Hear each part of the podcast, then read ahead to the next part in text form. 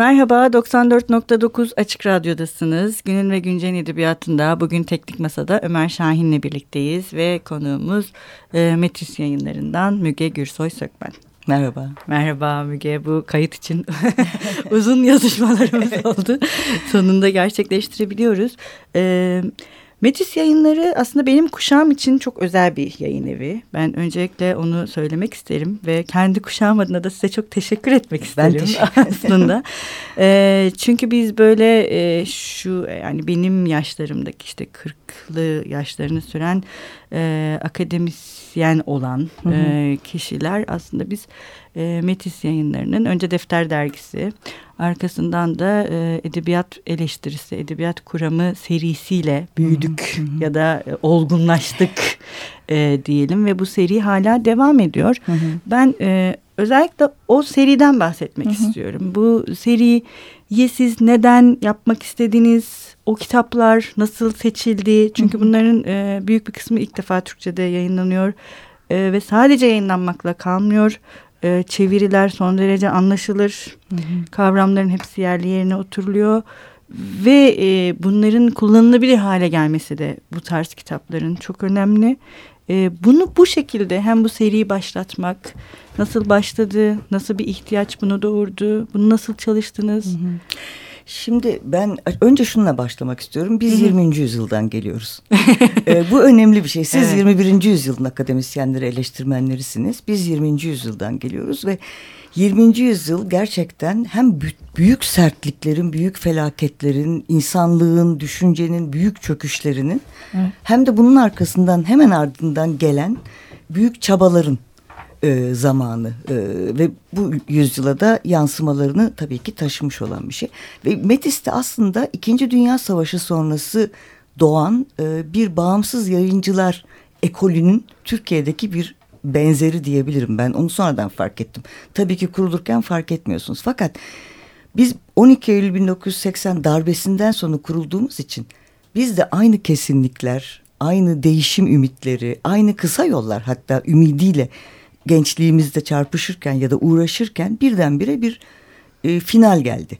Birdenbire üzerimize bir kapak kapandı ve biz kendimizi bir felaketin ardında tam bir dehşet duygusuyla bulduk. E, tıpkı e, Frankfurt Okulu'nun çeşitli dönemlerde başına geldiği gibi ve o zaman iki şeyi birden yapmaya çalışıyorsunuz. Birincisi devam etmek istiyorsunuz. Yani eğer ben felaketten sağ kaldıysam Hı Felakette katledilenlere ya da zedelenenlere borcum var. Hep birlikte biz yola çıkmıştık ve biz bu insanları kaybettik, hapsedildiler, öldürüldüler, işkenceler gördüler. O halde onlara bir borcum var. Beraber yola çıktığımız bir arayışta ben e, işimi yapmaya devam etmeliyim. İkincisi de o günün her cümercinde yani reel politikanın günlük hedef saplantılı politikanın size sürekli dur şimdi bunu hallederiz devrim olsun çözülür dediği nice soru var. Siz bunları pekala biliyorsunuz. İyi bir edebiyat okursanız mesela çoğumuz gibi pekala aslında meselede büyük terslikler olduğunu, bir şeylerin üzerinden atladığınızı, sonra bunun acısını çekeceğinizi biliyorsunuz. Ama size ne laf düşüyor fazla ne de kendinizde bu hakkı görüyorsunuz.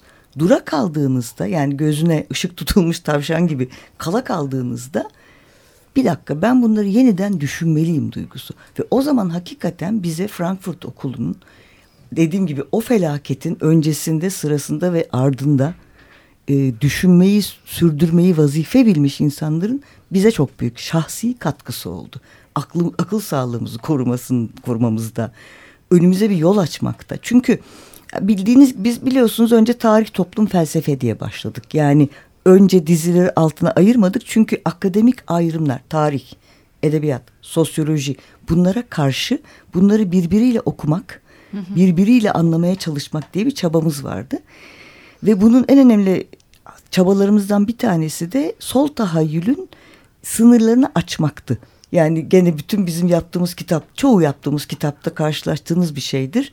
Mesele Kant'ın yaptığı gibi sınırları saptamak, neyin bilinemez olduğunu anlamak değildir onun genişletilmesi, onun imkanlarının arttırılmasıdır. Bu bizim edebiyatta da yapmaya çalıştığımız bir şey.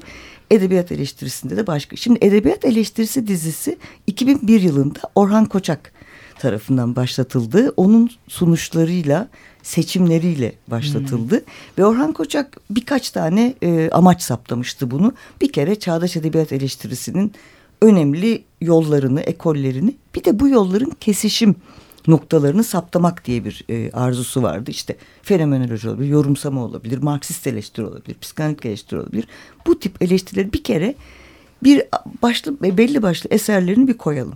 Sonra işte ne bileyim ya da Bahtin gibi, Girard gibi doğrudan bunlara ait olmayan ama hakikaten mesela kuramcıları eleştirmiş kuramcıları hmm.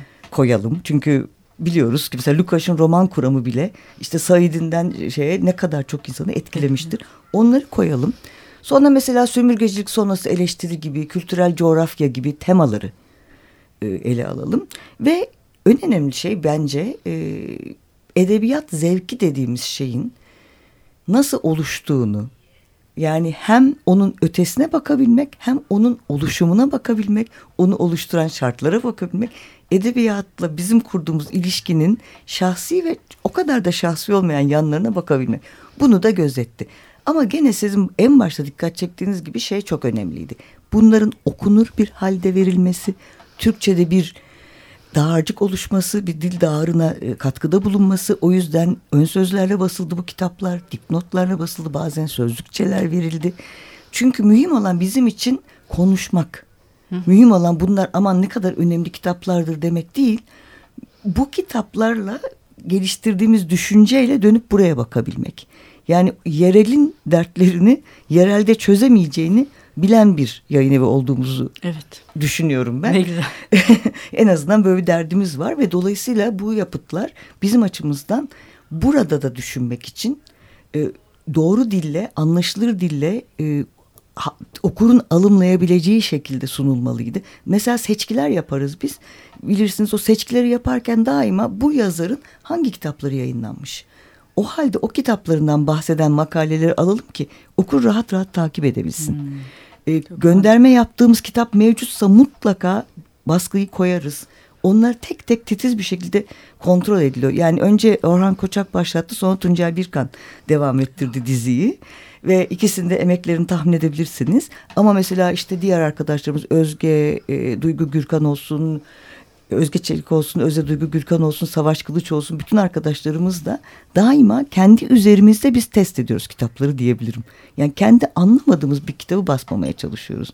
O kitapla uğraşıp hı hı. onu elimizden gelen azami anlaşılırlığa ulaştırıp öyle okura sunmayı tercih ediyoruz. Ki e, dediğim gibi bir işe yaradığını hissedebilirim. Evet kesinlikle çok işe yarıyor. Zaten bugün e, sanırım üniversitelerdeki bütün edebiyat bölümlerinde e, teori okunulacaksa Metis yayınlarının sayesinde bir. ikincisi de seçilen e, yayın evinin Metis yayın evi olmasının sebebi de bu. Yani anlaşılabilirlik çünkü anlatılabilirliği de mümkün kılıyor. Evet. Anlaşılmalı ki an, aktarılabilir hale getirilsin. E, şimdi biraz e, buradan e, şeye geçelim. Madem Orhan Koçak'tan Hı -hı. bahsettik. Yine Metis yayınlarının akademi dışında gerçi e, aslında hem Nurdan Gürbilek hem e, Orhan Koçak evet. akademiden çok da e, şey insanlar değil ama bir e, hayatlarının bir döneminde akademiyle ilişkiyi kesmiş e, ve dışarıdan... E, yani sadece bir edebiyat eleştirmeni diyemiyorum ben onlara açıkçası ne bileyim hem bu işin bir kültür boyutu var, felsefe boyutu var. Zaten deneme diyor Nur, Nurdan Gürbilek kendi yazdıklarına. O ikisinin de e, Türkiye'de e, iki önemli figür olarak bugün e, yine ben hep kendi kuşamdan bahsediyorum özür dilerim Yok, ama e, hem e, sadece bir e, bakış açısı değil, üslup olarak da. Hı hı. Çünkü bir üslupçu olarak da ortaya çıktılar. Doğru. Sadece bir e, ne diyeyim kuru bir teoriyi kuran bir şey anlatmıyorlar. Onu Hı -hı. öyle bir üslupla anlatıyorlar ki sanki bazen ben yani kendi adım öyle söyleyeyim. Ha biz bir hikaye okuyoruz Hı -hı. ya da bir şey okuyormuş ya da bir kurgu okuyormuşuz gibi. Hı -hı. Yani eleştiriyle kurdukları ya da metinlerle kurdukları ilişkileri bu şekilde aktarmaları da Türkiye için çok yeni bir şeydi. Doğru. Ee, ve bu da hala mesela e, hem çok etkiledi e, hem bizleri hem hı hı. yani her kesimi çok etkiledi ve bu etki hala e, devam ediyor. Bu nasıl ortaya çıktı? Şimdi şunu bir kere söylemek lazım. Tabii Defter Dergisi'nin orada çok büyük hmm. bir payı var. Çünkü Defter Dergisi e, her bir sayısı tek tek uzun tartışmalarla çıkan bir dergiydi. Yani diyelim bir konu ortaya atıldıktan sonra o bir tartışılıp işte insanlar gidip yazdıktan sonra dönüp o yazıları okuyup üzerinden bir daha tartışıp defalarca işlendikten sonra basılan yazılardı ve tabii ki insanlar birbirlerinin düşünce süreçlerini açmalarında büyük e, faydalı oldular birbirlerine. Çünkü e, neyin anlaşılmadığını, neyin kapalı gittiğini, neyin aslında erken verilmiş bir yargı olduğunu, neyin neyi dikkate hmm. alınmadan söylendiği, neyi, bunlar o kadar önemli yardımlar ki ve bence bir derginin en büyük evet. etkisi, katkısı hem okura hem yazara bu oluyor. Yani ben bir şey söylüyorum ve siz diyorsunuz ki güzel ama e şuna baktın mı? Şunu okuyup da mı bunu söylüyorsun? Bunu söylemen bana bunu düşündürdü. Bunu hmm. kasıt etmiş miydin? Gibi. Ve gerçekten de e, müthiş bir emek ve enerjiyle girilmiş şeyler. Ben Nurdan'a hep bunu söylerim. Nurdan Gürbilek'in neredeyse müthiş bir hakikaten e, katkısı olduğuna inanıyorum. E, düşüncesinin yollarını bize tek tek gösteriyor. Bu evet. böyle nasıl yapılabilir? Ben Evet. Yıllardır, Olağanüstü 40 şey. yıldır tanıdığım bir insan, 30 Olağanüstü. yıldır bastığımız bir insan ve hala şaşırıyorum. Evet.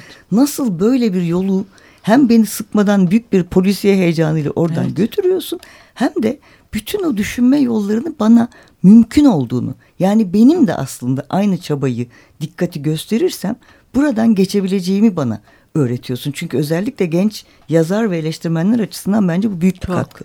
Orhan Koçak'a gelince yine kaç yıldır tanıdığım insan hala beni şaşırtıyor. Ne kadar geniş bir kuyudan su çekiyor. Ne ve çünkü ama bu iki insan da ve başka yazarlar da devamlı olarak okuyan, müthiş bir enerji ve emek veren, gerçekten emek lafını burada ısrarla vurgulamak istiyorum. Aynı kitabı bazen on kere okuyan, bazen dönüp dönüp evet. belli yerlere başvuran, bir şeyi daima farkındaysanız mutlaka tabii ki farkındasınız bir şeyi bir şeyle karşılaştırarak ve kendilerini sürekli çelerek giden. Şimdi bu üslup evet. aslında tabii ki tesadüf değil. Bu bir düşünce yordamı. Bu önerdikleri de bir düşünce yordamı hı hı. ve hatta bu yüzden saldırıya da uğradıkları bir düşünce yordamı. Bazen. Tereddüt sevilmez çünkü. Dır deyivermek lazım. Oysa hakikatin bir kere ele geçirilip ondan sonra üzerine oturulacak bir şey olduğunu zannedersek çürümeye başlıyoruz. Orhan Koçak çok güzel anlatır mesela tikelin hakkını genelden almak ama sonra o tikeli de fazla ciddiye alıp çürütmemek. Tekrar genele dönebilmek. Evet. Şimdi der, demesi kolay ama hakikaten bütün bu yapıtlarda o gidiş geliş hareketini ben bir kere tikel genel ve tekrar evet. hani hareketini gördüğümüz ikincisi de o alanlar arası. Yani tarihi, sosyoloji, e, psikoloji, psikoloji, evet bazen popüler kültürü, kesinlikle her şeyi. bakış bu ve o bakış bir kere işlemeye başladığı zaman e, mesela ne bileyim kaç kere okuduğum bir romanı bir Orhan Koçak eleştirisinden sonra ha diyorsunuz Böyleymiş. mesela. Yani bu da varmış. o, o katmanlar gerçekten evet. e, müthiş zihin açıcı oluyor ve bizim aslında Metis'te yapmaya çalıştığımız becerilebilmesi çok zor bir şey ama en azından çabaladığımız şey bu açıklık işte. Evet çok açık. Yani ben baktığım zaman orada bir taşrada bir aylak görüyor olabilirim. Hı hı. Ama o aylağın gerisi berisi önü arkası öyle bir Nedir? dünya imkanı yatıyor ki orada. Evet. Ee, o, o, o düşünce bir kere o şekilde çalışmaya başladı mı günde daralıp kalmıyorsunuz. Çünkü gün daralıp bırakan bir şey insanı. Onu söylemek istiyordum. Mesela günün işte üretim ilişkileri, günün ideolojisi, günün şiddeti, Hı-hı. günün ne bileyim size dayatılmış olan köşeye sıkıştırılmışlığınız hiçbir şey yapılamaz duygusu veriyor Hı-hı. insana. Bittik. Buradan bir yere gidilemez. Hı-hı. Halbuki kaçış yolları bunlar aslında. Evet. O kadar çok yere gidilebilir ki çağın dışına ülkenin dışına, zihni olarak demek istiyorum. Hı hı. Kendi kimliklerimizin dışına bir sürü yol ve bu yolların yordamları diye okuyorum ben İmkanları. yazarları. Evet. Güzel. Ee, bir de benim e, yine çok önemli bir girişim olarak bulduğum e, Bilge Karasu Edebiyat İncelemeleri serisi var Metis yayınlarının. Hı hı. Ee, sanırım o da e, yine e, edebiyat eleştirisinin Türkçe'de e, Türkçe metinlerle edebiyat eleştirisi nereye gidilebilir? Türkçe metinler nasıl farklı okuma mecralarına belki de işte o bahsettiğiniz e, yollara hı hı. ulaşabilir. Onun bir e, yeniden ele alınması şeklinde mi ortaya çıktı? En azından ortaya çıkan metinlere baktığımızda hı hı. E, benim kafamda canlanan böyle bir şey oldu. E, bu seri ve Evet, e, Bilge Karasu Edebiyat İncelemeleri dizisi Süha Oğuz Ertem'in e, önerisiyle başlatılan bir dizi. E, Süha Bey'in zaten e, Bilkent Üniversitesi'nde Türk Edebiyatı bölümünde yaptığı müthiş bir çaba vardı ve bize de yansıyordu. Yani hı hı. edebiyat severlere Tabii. yansıyordu bence. Genç edebiyatçıların Tabii. teşvik edilmesi. Sempozyumlarla olsun, evet. yazmaya teşvik ederek olsun. Ve hakikaten... E, belki çok klasik bölümlerden beklemeyeceğimiz kadar kapsamlı, çok. iyi düşünülmüş evet. işler çıkıyordu ortaya. E, onun için biz Süha Bey bu teklifle geldiği zaman sevinerek karşıladık. E, normalde biz Metis'te doktora tezi basmıyoruz. Çünkü doktora tezi kendi şartları olan e, ve genel okura hitap eden şey etmeyen şey bir şey. E, kuralları var ve kurallara göre jargonu var. Jargonu var. Fakat e, dolayısıyla genellikle doktora tezlerinden kitaplaştırıyoruz biz. O da ciddi bir emek ve süreç demek oluyor. Yazar açısından da yayın evi açısından da. Fakat bu dizide biz şeyi kabul ettik. Doktora tezlerini tabii ki bir kere gözden geçirdikten sonra gerek Süha Oğuz Ertem tarafından gerek yazarları tarafından gözden geçirildikten sonra formatını çok da bozmadan çünkü bu bir meraklısına dizisi. Hı hı. Uzmanına ya da gerçekten bu çabayı vermeye razı olan bir uzman okura diyelim yönelmiş bir dizi. Ee, Türkiye bağlamında edebiyat diyor e, Süha Oğuz Ertem Hı -hı. ki haklı. Bu Türkçe edebiyat demekle yetinmeyecek bir evet. dizi çünkü. Evet. Türkiye bağlamında Osmanlıca da olabilir, Kürtçe de olabilir. Hı -hı. Türkiye bağlamındaki edebiyatla ilgili birincil ve ikincil kaynakların hakkını veren çalışmalar. Hı -hı. Bu çok önemli. Çok önemli. Sizin de bildiğiniz gibi. Çok önemli. Ee, gene salt bir beğeni konusu olarak edebiyat değil nelerle etkileniyor, nasıl etkileşiyor, çağının içinde nasıl etkileşiyor, çağın içindeki yazarlar birbirleriyle nasıl, nasıl etkileşiyor bunları dikkate alan e, gene mesela çeviri bilim, dil bilim gibi değişik alanlarla edebiyatla bağlantılandıkları sürece bu tip incelemelerin de yer alabileceği ve tabii ki nitelikli eleştirinin artması için e, bir tür tohum işlevi görecek, kışkırtıcı işlevi görecek bir edebiyat e, dizisi olarak düşünüyorum. Yani hem öyle hem de bugünkü yani hali hazırdaki işte e, eleştirmenler, akademisyenler, çevirmenlerle bir bağ kurmak. Hı hı, yani hı. Yaş, yani o onların e, bağını da Metis'e taşımak için de önemli bir girişim bir taraftan da. Kesinlikle. Yani sonuçta o diyalog devam eder hale geliyor. Ee, bir de tabii yine herhalde hepimizin merak ettiği şeylerden birisi bu şahane yazarları Türkçe Edebiyat'ta Metis yayınlarının e, her biri yani aslında Metis yayınları çok Türkçe Edebiyat basmıyor. Belli bir sayıda Belli bir sayıda evet, e, basıyor. E, şu anda yaşamayan tek yazarınız Bilge Karasu. Doğru. Diğerlerin hepsi hayatta ve onlara uzun ömürler diliyoruz. Kesinlikle, kesinlikle. her birine. Fakat Metis yayınlarının e, yani Türkçe edebiyatına baktığımızda e, aslında avantgard neredeyse e, her biri kendine has hı hı. dille çok ciddi anlamda meseleleri Doğru. olan e, yazarlar e, başka bir dilde konuşmak isteyen o dili başka bir şekilde ne diyeyim kurguya taşımak isteyen yazarlar olarak ortaya çıktıklarını hı hı. ve o anlamda hani sizin yayın evi olarak e, hem bütün o serilerde yapmak istediğiniz şeyin başka bir kolu olarak o diyaloğa katılıyorlar bir taraftan. E, yani bu Türkçe edebiyat nasıl ortaya yani evet, nasıl kesinlikle, yani sizin yayın evi olarak tavrınız nasıl belirlendi burada? Kesinlikle doğru bir tanım bence. Yani edebiyatta yaklaşımımız diğer dizilerimize yaklaşımımızdan hiç farklı değil. Edebiyat sadece edebiyat değildir. Evet tabii ki. Ee, da bazı yazarlarımızın söylediği gibi her şey edebiyattır. Hani edebiyat eleştiri dizisinde görüyoruz onu. Hepsi edebiyat aslında diyorlar ki onun da bir haklılık payı var. Şuna dikkat ettik biz. Bir kere biz 87'de e, edebiyat başladık. Daha önce sadece edebiyat dışı tarih, toplum, felsefe basıyorduk ve fakat ben çok edebiyat okumayı sevdiğim için acı çekmeye başladım ve öyle bir dizi açtık. Doğrusunu söylemek gerekirse. Orada da başlıca beklentimiz katartik olmayan edebiyat diyeyim. Yani alıp sizi Aa, aynen benim bildiğim gibi hayatta ne biliyorsan burada tekrarlanıyor. Ne kadar başarılı bir tekrar. Hmm. Reprodüksiyonu adeta hayatın. O da bir edebiyat anlayışıdır ve hani karşı değilim ama aradığımız o değildi hayata dair benim bilmediğim bana göstermesi. Ee, bazen düşünceyle, zihinle bulamayacağımı bana göstermesi. Kendi ki, hapsolduğum kimliğin içinde beni habire onaylaması değil de tam tersine. E, kendim ben zaten sürekli onaylarım. E, böyle bir böyle e, hayvanlarız aslında biz evet, kendini sürekli tekrar. onaylayan hayvanlarız. Dolayısıyla bu edebiyat bu onayı kırmak için muhteşem bir şey bence hem dilin dediğiniz gibi müthiş bir şekilde sınırlarını açabilen yani ilk Muratan Mungan'la ben dilini okuduğumda inanamamıştım. Bu nasıl bir mücevher kutusu? Ben ki o kadar hakikaten çok okuyan bir insanım.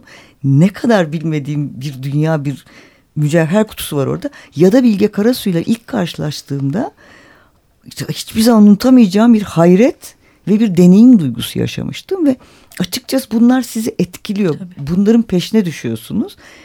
Ee, ve bunları paylaşmak istiyorsunuz. Yani şey Ayşegül Devecioğlu'nun 78 kuşağının hiç söylenmemiş e, şeylerin ne kadar sakin sakin söylediğini düşünün. Mesela sakin. bir sol kuşağın deneyimi üzerine birçok şey yazıldı fakat bir kuş diline öykünen ya. dendi mi?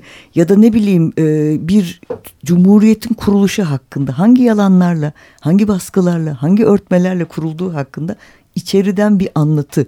Mesela e, Ağlayan Dağ Susan Nehir baktığınız zaman afallıyorsunuz. Ayhan Geçkin'in ben ilk kenarda geldiğinde üç kere de ancak o metne girebildim. Metin beni itti. İtiraf edeyim kolay okuyamadım. Ama evet. daha çok hırslandım yani. Evet. Orada ne var? Ve Hı-hı. orada olana ulaştığınız zaman hakikaten bunu mutlaka paylaşmam lazım. Tamam kolay alımlanmayacağını ben de biliyordum.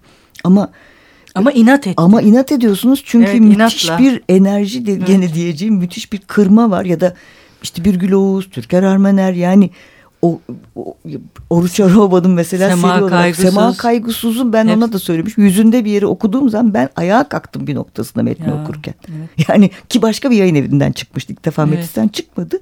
Alıp okuyordum ve böyle işte bu. Hı hı. Şimdi bir şey başlıyor duygusu. Evet.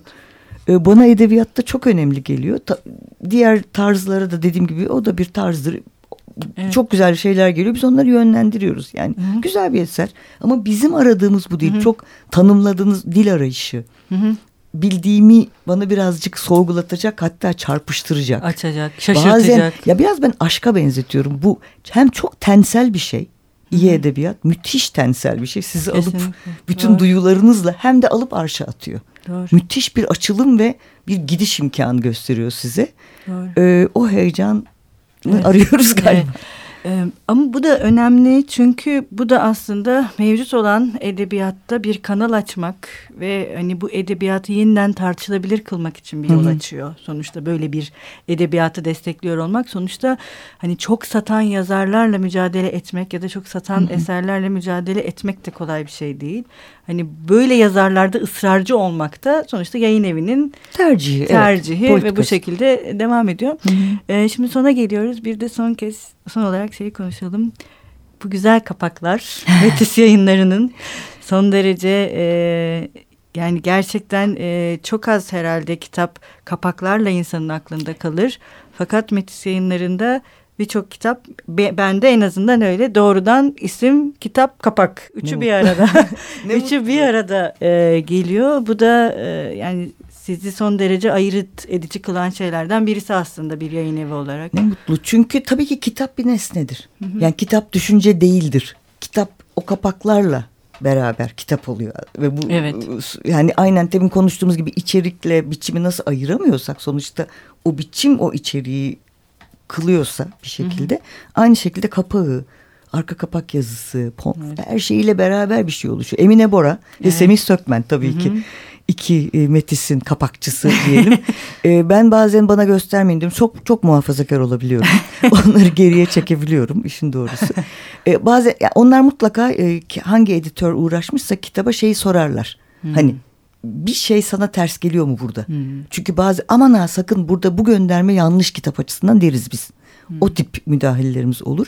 Onun dışında zaten onlar da genellikle göz gezdirmiş, okumuş olurlar eğer editörle konuşmamışlarsa içeriğiyle beraber düşünüyorlar kapı. Ee, ama tek şey tek anlamında yapılıyor. da güzel bir düşünce aslında o kapaklarda. Evet doğru. Bize bir şey vermiyor. Bu kitap size bunu anlatıyor demiyor Yo, mesela. zaten kuş kuştur dediğiniz anda evet. mahvedersiniz. Evet yani. evet bütün o düşünceyi de oraya taşımaları e, çok e, önemli. Çok teşekkür ederiz bu güzel sohbet için ve ayrıca tabii bu bütün Metis yayınları gerçekten Türkiye'de çok özel bir yeri var. Bu da tartışılmaz. Ben tekrar çok teşekkür ederim bütün bu eserler için ben sizlere. Teşekkür ederim de davet ettiğiniz için çok teşekkür ederim. Hoşçakalın. Görüşmek üzere.